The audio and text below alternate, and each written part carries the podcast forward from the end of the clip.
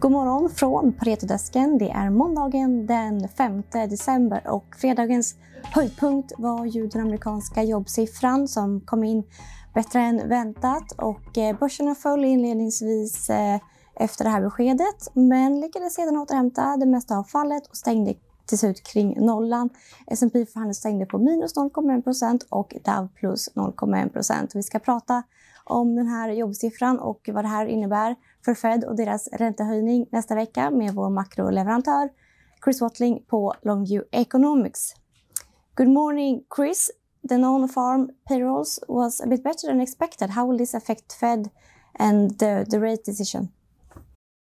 Yeah, morning, Matilda. Yeah, it was uh, it was certainly a strong number at the headline level in terms of, of number employed, but I think most importantly, it was strong in the wage inflation number. I think that was the bit that really surprised people, and we saw the market initially reacted to that, the bond market and the equity market. And um, but um, yeah, I think I mean in terms of the Fed, I think it just adds a little bit to the idea they might just do 75 in their meeting next week. But I have to say, I think that's pretty unlikely. I think they've laid out their stall and they've made it quite clear that they're going to be doing 50 next uh, next week. And I think beyond that, um, I don't think the path is going to change that much. I thought the most interesting thing about interest rates and, and the yield curve last week was the behavior of the bond market. And we saw bond yields came off, 10 year bond yields came off a lot last week, particularly on Thursday, the day before the payrolls, when when they published the ISM uh, manufacturing data, we saw very weak new orders and a disappointing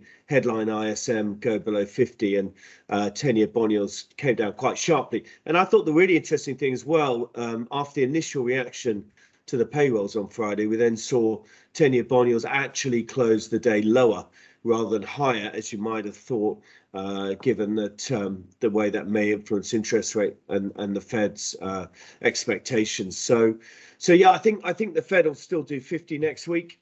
That's what everyone's expecting, and I, I don't think it'll have a huge amount of impact on the on the path of interest rates over the next three, four, five months. Uh, even though it was a bigger than expected payrolls data point. You have uh, previously communicated that you are negative on equities. Is this uh, still the case?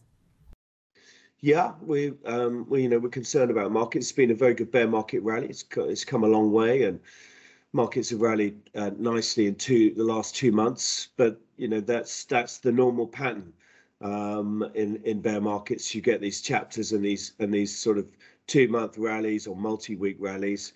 So yeah, our view hasn't changed. it's based on our our view of the macro outlook. It's based on our view of the valuation. It's based on our view of the Fed and the recession risk and all sorts of other things like that. And um, as we were writing about last Friday, if you look at things like the advanced decline line, if if you're actually starting a new bull market, you normally get a very big thrust in breadth. You get a very high breadth reading on a sort of smooth basis, and we have not had that in the last couple of months. So there's no no suggestion. That's one of the sort of signals that we're not beginning a new bull market. It's uh, it is a bear market rally, uh, and um, a whole bunch of those we were writing about last week in our in our publications. Thank you, Chris.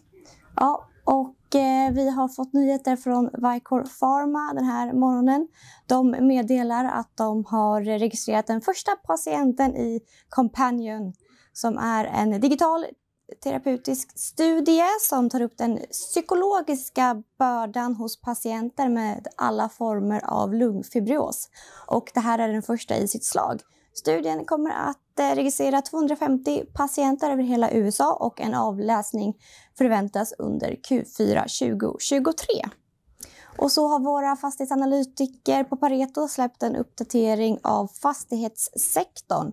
Svenska fastigheter har ju utvecklats sämre än det breda, den breda aktiemarknaden i år och är ner 43 procent jämfört med det bredare index som är ner 21 procent i år. Men värt att notera är att eh, fastighetsindex är upp 29 procent sedan botten i oktober och vi såg ett liknande mönster i somras när fastighetsindex ökade 30 procent under sommaren och indexet har inte haft samma rekyler som fastighetsbolagen. Och det är bolagen med de lågavkastade tillgångarna som har drabbats av den största nedgången hittills med eh, samhällsservice och bostäder som har minskat med 56 procent i år och 60 procent i år. Men eh, värderingarna i de här bolagen var också högre vid eh, årets eh, ingång så de eh, ha, har haft då en större fallhöjd än till exempel kontor som har haft en eftersläpande utveckling under 2021.